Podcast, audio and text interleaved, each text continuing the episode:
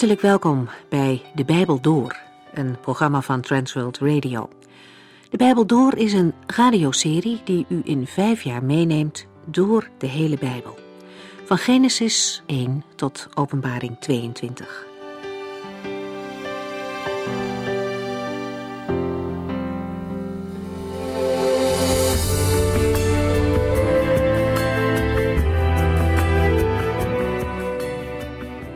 Voordat we verder lezen in Handelingen 20, een korte samenvatting van de vorige aflevering. Paulus is in Efeze, waar hij een aantal mensen ontmoet die gelovig zijn, maar niet veel meer weten dan de leer van Johannes de Doper. Ze horen het vervolg over de Heer Jezus van Paulus, ze worden gedoopt en vervuld met de Heilige Geest. In de Bijbel zien we dat de doop altijd verbonden is met bekering. Paulus gaat regelmatig naar de synagoge van Efeze. En uiteindelijk komt het ook in Efeze tot een breuk met de synagoge. Paulus zondert degenen die tot geloof zijn gekomen af en vormt een aparte groep die voortaan dagelijks samenkomt in de school van een zekere Tyrannus. En Paulus blijft daar een paar jaar. Er komt een geweldige zendingsbeweging op gang die in heel Azië het woord van de Here brengt. In de eerste brief die Paulus naar Korinthe stuurt, schrijft hij: hier liggen geweldige kansen om voor de Here te werken, al is de tegenstand ook niet gering. Er gebeuren buitengewone wonderen.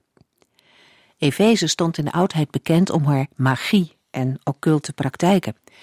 Veel mensen hielden zich daarmee bezig. Maar als zij de kracht van Christus zien, bekeren ze zich en ze breken openlijk met het verleden. Hun toverboeken worden in het openbaar verbrand om te laten zien dat men echt afstand neemt van de inhoud en breekt met de praktijken die ermee zijn verbonden. De invloed van de woorden van God nam enorm toe in Efeze. Maar dat kwam niet iedereen goed uit. Efeze was ook het centrum van de verering van de godin Artemis. Haar tempel in Efeze was in de oudheid één van de zeven wereldwonderen. En door die massale overgang van de Efeziërs naar het christendom stond de verering van deze godin op het spel en daaraan gekoppeld ook de inkomsten die de tempel de stad opleverde. Demetrius, een man die zilveren tempeltjes maakt, roept zijn collega's dan ook te hulp en veroorzaakt een grote oproer. Het is de stadssecretaris die de menigte weer kalmeert en een einde maakt aan deze oploop. We lezen verder in Handelingen 20 vanaf vers 6.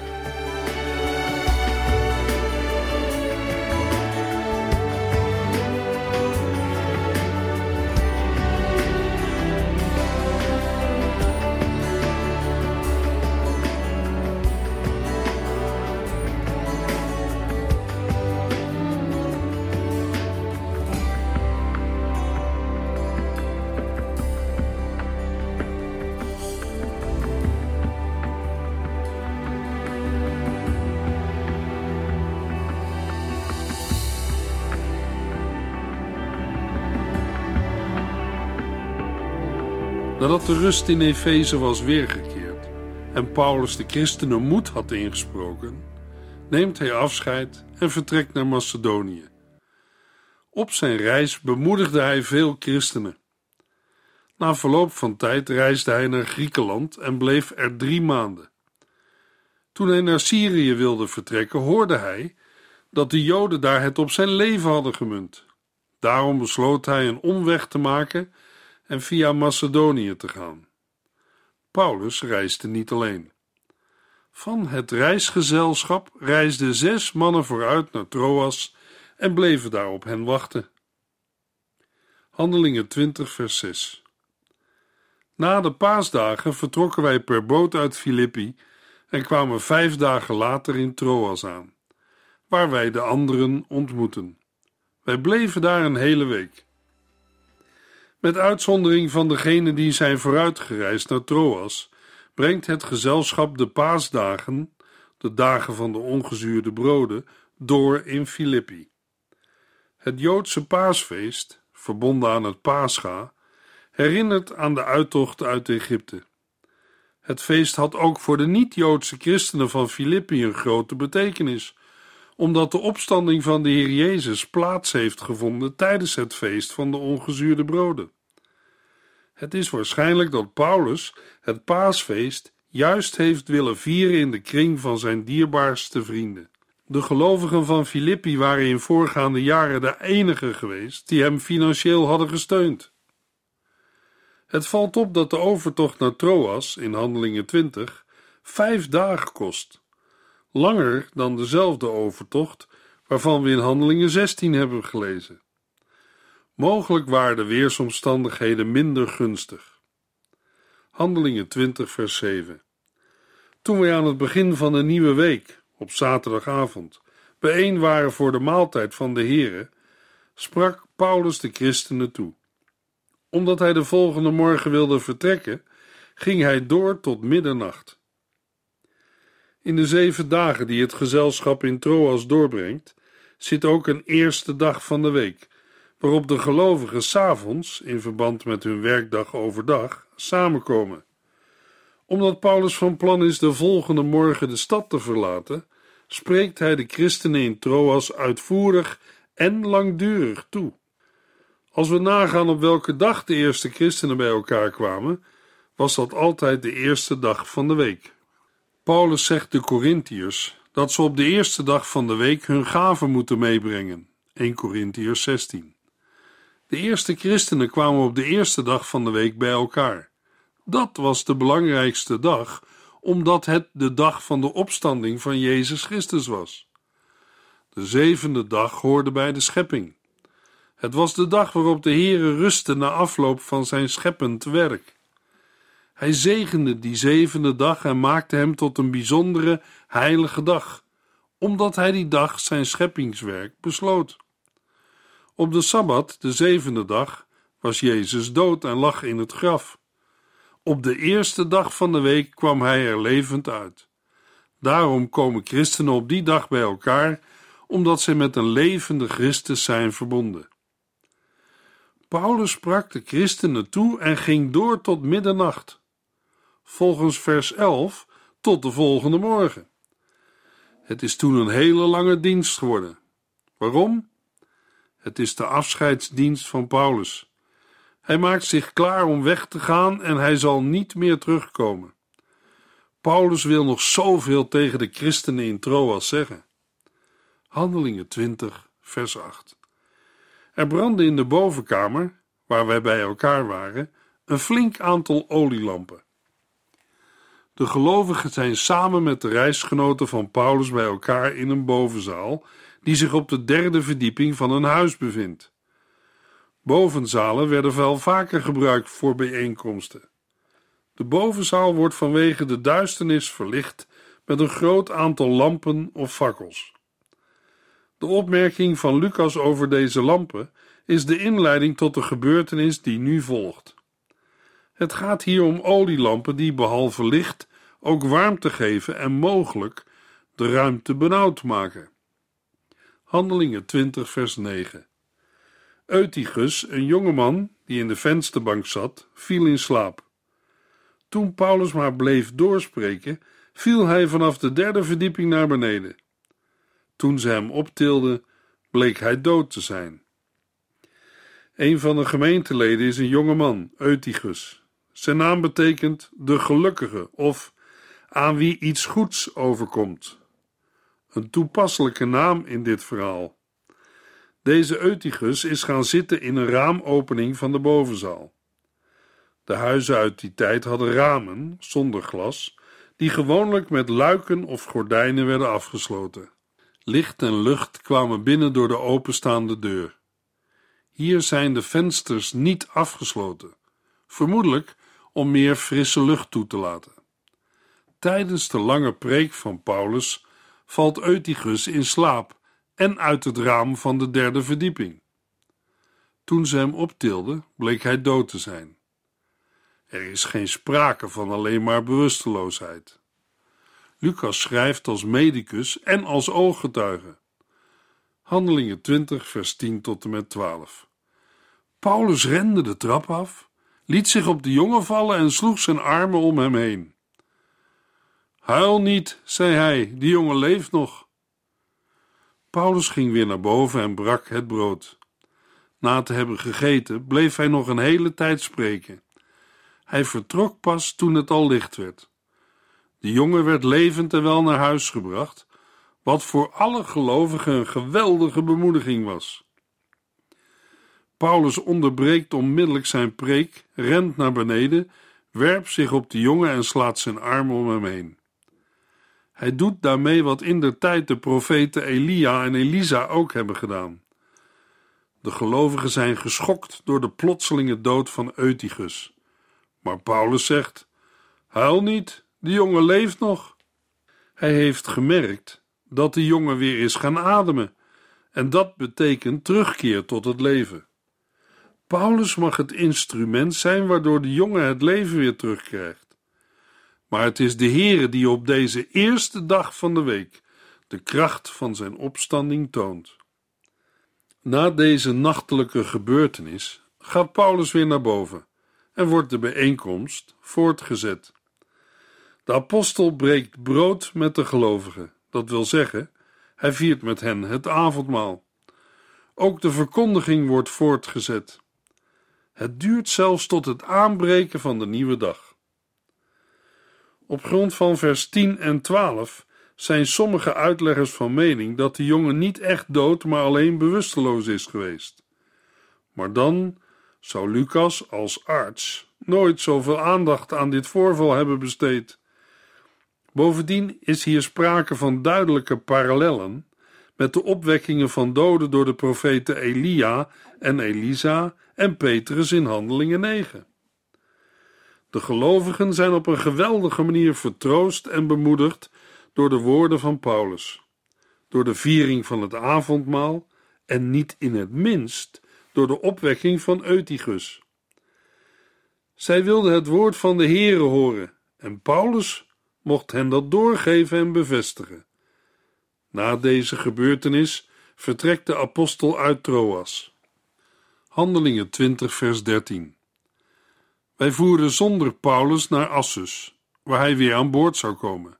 Hij had dit zo geregeld, omdat hij zelf te voet wilde gaan. Lucas vermeldt dat de apostel over land naar Assus is gegaan, terwijl hij zijn reisgenoten opdracht geeft de tocht per schip te maken. Waarom Paulus de kortere, maar moeilijke reis te voet maakt, wordt door Lucas niet vermeld.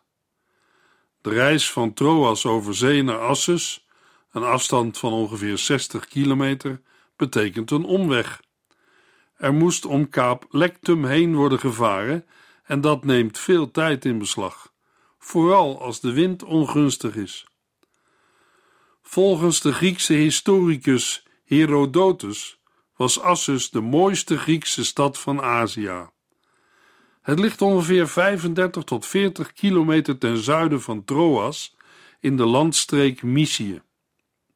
In Assus stond Paulus al op hen te wachten en kwam hij aan boord.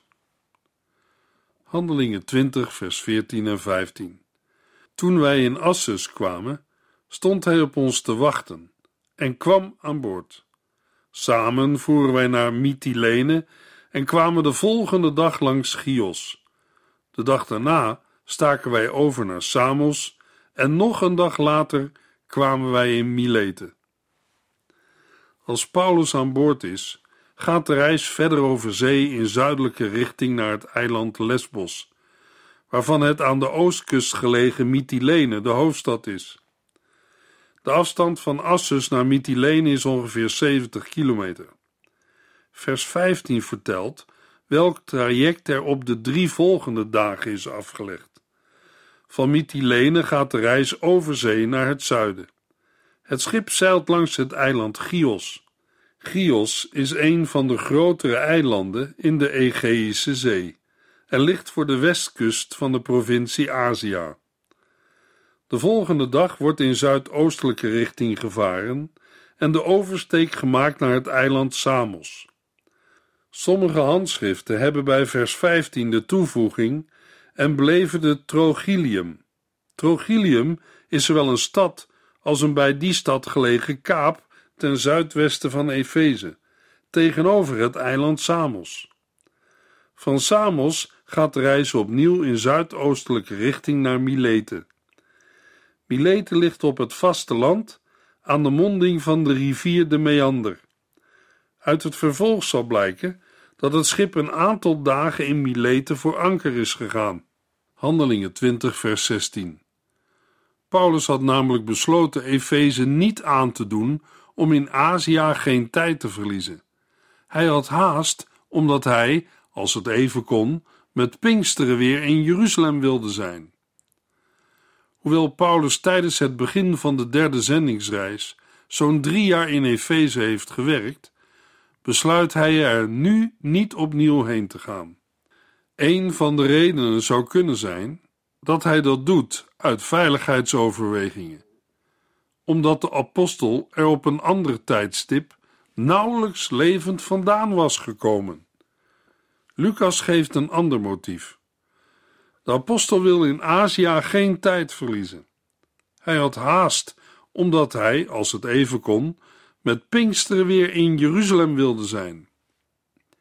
Het Pinksterfeest was volgens de Joodse kalender zeven weken na het feest van de ongezuurde broden. Dan wilde Paulus in Jeruzalem zijn. Of hij dat gehaald heeft, vertelt Lucas niet. De uitdrukking als het even kon geeft aan dat Paulus er ook rekening mee houdt dat het eventueel niet gaat lukken. Het gaan naar Jeruzalem komt vanaf vers 16 steeds nadrukkelijker aan de orde. Wat wil Paulus in Jeruzalem? Dat wordt duidelijk in Handelingen 21 en 24. De apostel wil verslag doen aan de moedergemeente in Jeruzalem over wat God door hem onder de niet-Joodse volken had gedaan. Daarnaast wil hij de Heere God aanbidden in de tempel en de ontvangen collectegelden afdragen. Handelingen 20, vers 17. Terwijl hij in Mileten was, liet hij de leiders van de christengemeente te Efeze bij zich komen. Paulus gaat niet zelf naar Efeze, maar stuurt vanuit Mileten één of twee van zijn medewerkers om de oudsten van de gemeente te vragen naar Mileten te komen. Over het aanstellen van leiders in de gemeente van Efeze heeft Lucas niet eerder geschreven, maar uit vers 17 blijkt dat ze er wel zijn.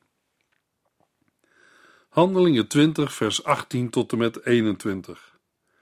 Paulus zei tegen hen: U weet hoe ik onder u heb geleefd, hoe ik vanaf de eerste stap die ik in Azië zette, de Heer in alle nederigheid heb gediend.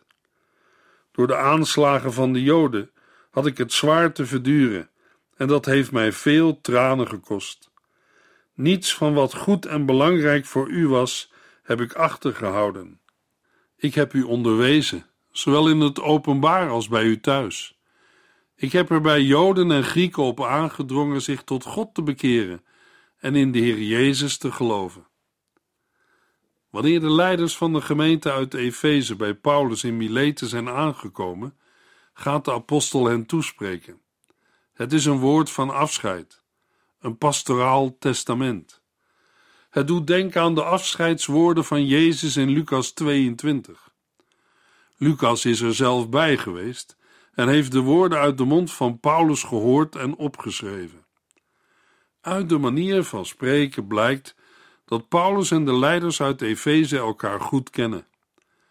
De apostel begint over het verleden, met name over hoe hij de Here mocht dienen in Azië, waarvan Efeze de hoofdstad is. U weet staat met nadruk voorop en is een geliefde uitdrukking van Paulus. Hij herinnert hen aan vroeger. Juist de leiders uit Efeze kunnen bevestigen wat hij gaat zeggen over zijn optreden in Azië.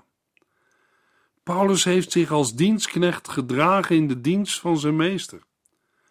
Van een dienstknecht wordt een nederige houding verwacht, dat wil zeggen de bereidheid om te buigen en de minste te willen zijn. Nederig is hij die zich niet laat gelden of op zijn rechten gaat staan. In het leven van de Heer Jezus komt die gezindheid in alles naar voren. En Paulus roept de gelovigen op, in zijn brieven aan Efeze en Colosse, de Here daarin na te volgen. De apostel heeft een zwaar, moeilijk leven gehad. Vele zware beproevingen zijn hem ook in Efeze overkomen, waarbij ook heel wat tranen van teleurstelling en verdriet zijn gevloeid. Een groot deel van deze beproevingen kwamen door aanslagen van zijn eigen volksgenoten. Beproevingen, verzoekingen en aanvechtingen zijn moeilijke situaties in het leven van een gelovige, soms bewerkt door Satan om te ontmoedigen of om tot zonde en afval te bewegen. Tegelijk kan een beproeving fungeren als een test om standvastigheid en volharding te leren. Ondanks al die beproevingen heeft Paulus niets achtergehouden of nagelaten te vertellen wat zijn hoorders moesten weten van het evangelie. Elke gelegenheid werd door Paulus benut om te verkondigen en onderwijs te geven. De uitdrukking wat goed en belangrijk voor u was, wil zeggen al die dingen die de gelovigen moesten weten in verband met hun redding en toekomst. De verkondiging van de apostel Paulus was geen geheimleer, uitgesproken in het diepste geheim en achter gesloten deuren. Paulus sprak in het openbaar, zodat iedereen naar hem kon komen luisteren. Eerst in de synagoge en later in de gehoorzaal van Tyrannus. Daarnaast vond verkondiging en onderwijs ook in kleine kring plaats tijdens bezoeken of bijeenkomsten in huis. De leiders van de gemeente uit Efeze weten hoe Paulus zich onder hen heeft gedragen. Zowel bij zijn volksgenoten, de Joden, als de niet-Joden heeft hij aangedrongen zich tot God te bekeren en in de Heer Jezus te geloven. Bekering betekent letterlijk verandering van denken. Het houdt een omkeer van denken in, gevolgd door een omkeer in doen en laten. Daarbij keert de mens zich tot God en groeit de afkeer van een leven zonder God. Daarbij gaat het zowel om een nieuwe gezindheid als om een nieuwe levenswandel. Geloven duidt hier niet allereerst op de geloofsinhoud of de geloofsleer, maar op het vertrouwen in een persoon, de Jezus Christus. Handelingen 20, vers 22 tot en met 24. Nu ben ik op weg naar Jeruzalem, omdat de Heilige Geest mij ertoe dringt. Hoewel ik niet precies weet wat mij daar zal overkomen, zegt de Heilige Geest mij nadrukkelijk in elke stad waar ik kom dat mijn gevangenschap en vervolging te wachten staat. Maar ik geef niets om mijn eigen leven. Ik hoop alleen dat ik mijn doel mag bereiken en de opdracht die de Heer Jezus me heeft gegeven tot een goed einde mag brengen. Ik moet andere mensen het goede nieuws vertellen van de genade van God. Nadat Paulus de leiders van Efeze heeft herinnerd aan het werk dat hij in hun midden heeft gedaan, vertelt hij hun nu over de weg die voor hem ligt. Gedrongen door de Heilige Geest gaat Paulus naar Jeruzalem, zonder dat hij precies weet welke dingen hem in Jeruzalem te wachten staan. Bij dit punt moeten we even stilstaan. Sommige uitleggers menen dat Paulus een fout maakte door naar Jeruzalem te gaan. Ze menen dat Paulus nooit naar Jeruzalem had moeten gaan. Maar juist omdat de apostel nadrukkelijk zegt, omdat de Heilige Geest mij ertoe dringt, mogen wij dat hier niet zeggen. Daarbij zien we ook dat er duidelijke leiding van de Heilige Geest kan zijn, maar dat dat nog niet betekent dat de mens dan ook precies weet wat hem of haar zal overkomen. Paulus wordt gedrongen door de Heilige Geest. Hij is niet vrij om een andere weg te kiezen. De apostel gaat niet zijn eigen weg, maar Gods weg. Juist dat wordt onderweg voortdurend door de Heilige Geest bevestigd. Paulus maakt duidelijk dat hij weet dat hem gevangenschap en vervolging te wachten staat als hij naar Jeruzalem gaat. Hij zegt: Ik geef niets om mijn eigen leven.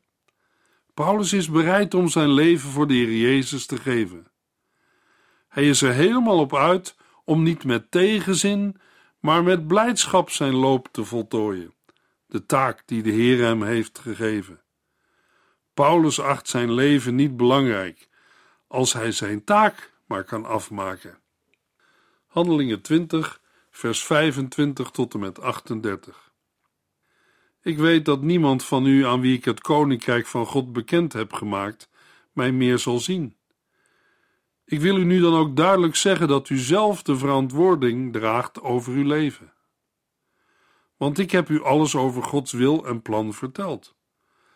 Pas goed op uzelf en op de kudde, waarover de Heilige Geest u het toezicht heeft gegeven. Leef als herders voor de gemeente van God, die hij door het bloed van zijn eigen zoon heeft verkregen. Want ik weet dat er na mijn vertrek valse leraren als hongerige wolven bij u zullen komen. Zij zullen de kudde niet ontzien. Zelfs mensen uit uw eigen kring zullen de waarheid verdraaien en proberen de christenen aan hun kant te krijgen. Wees daarom op uw hoede. Vergeet niet dat ik in de drie jaar dat ik bij u was, ieder van u voortdurend heb terechtgewezen, zowel s'nachts als overdag en vaak onder tranen. Nu vertrouw ik u aan de Heere toe. Hij zal u zijn goedheid doen ervaren. Hij kan u versterken in uw geloof en u het deel geven van de erfenis die Hij heeft bestemd voor allen die Hem toebehoren. Ik ben nooit op zilver, goud of kleding van anderen uit geweest. U weet dat ik met mijn eigen handen de kost heb verdiend voor mezelf en mijn medewerkers. Ik heb u steeds laten zien dat wij, door zo te werken, de armen tot steun moeten zijn. Denk maar eens aan de woorden van de Heer Jezus. Hij zei dat geven beter is dan ontvangen. Toen hij uitgesproken was, knielde Paulus samen met hen allen neer en bad. Zij begonnen allemaal te huilen, vielen hem om de hals en kusten hem. Waar ze het meest verdriet om hadden, was dat hij had gezegd dat ze hem niet zouden terugzien. Daarna brachten ze hem naar het schip. De leiders van Efeze houden van Paulus en hij houdt van hen. Het is moeilijk voor hen om hem te laten gaan. En ook nog in de wetenschap dat ze hem in dit leven niet meer zullen terugzien. Op ontroerende wijze nemen ze afscheid van elkaar en brengen Paulus naar het schip. In de volgende uitzending lezen we hoe het verder gaat met Paulus in Handelingen 21.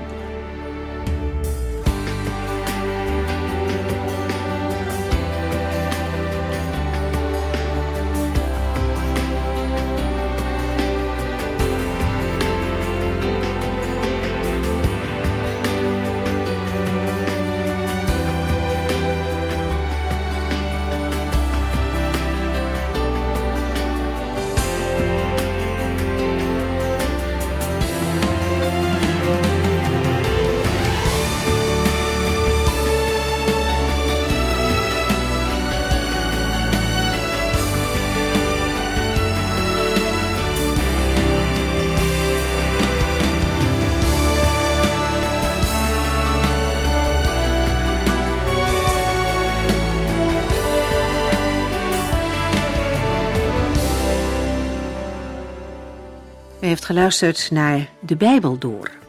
In het Nederlands vertaald en bewerkt door Transworld Radio. Een programma waarin we in vijf jaar tijd de hele Bijbel doorgaan. Als u wilt reageren op deze uitzending of u heeft vragen, dan kunt u contact met ons opnemen. Tijdens kantooruren kunt u bellen op 0342 47 8432. 0342 47 8432. 32. Ook kunt u een e-mail sturen naar de Bijbel door transworldradio.nl en natuurlijk kunt u ook via de post ons bereiken. TWR, postbus 371, postcode 3770, AJ in Barneveld. Dit programma werd gepresenteerd door Cor Weda en Ike André. Techniek was in handen van Odin van Woerdekom. En wij allemaal bedanken u voor het luisteren. Graag tot de volgende keer.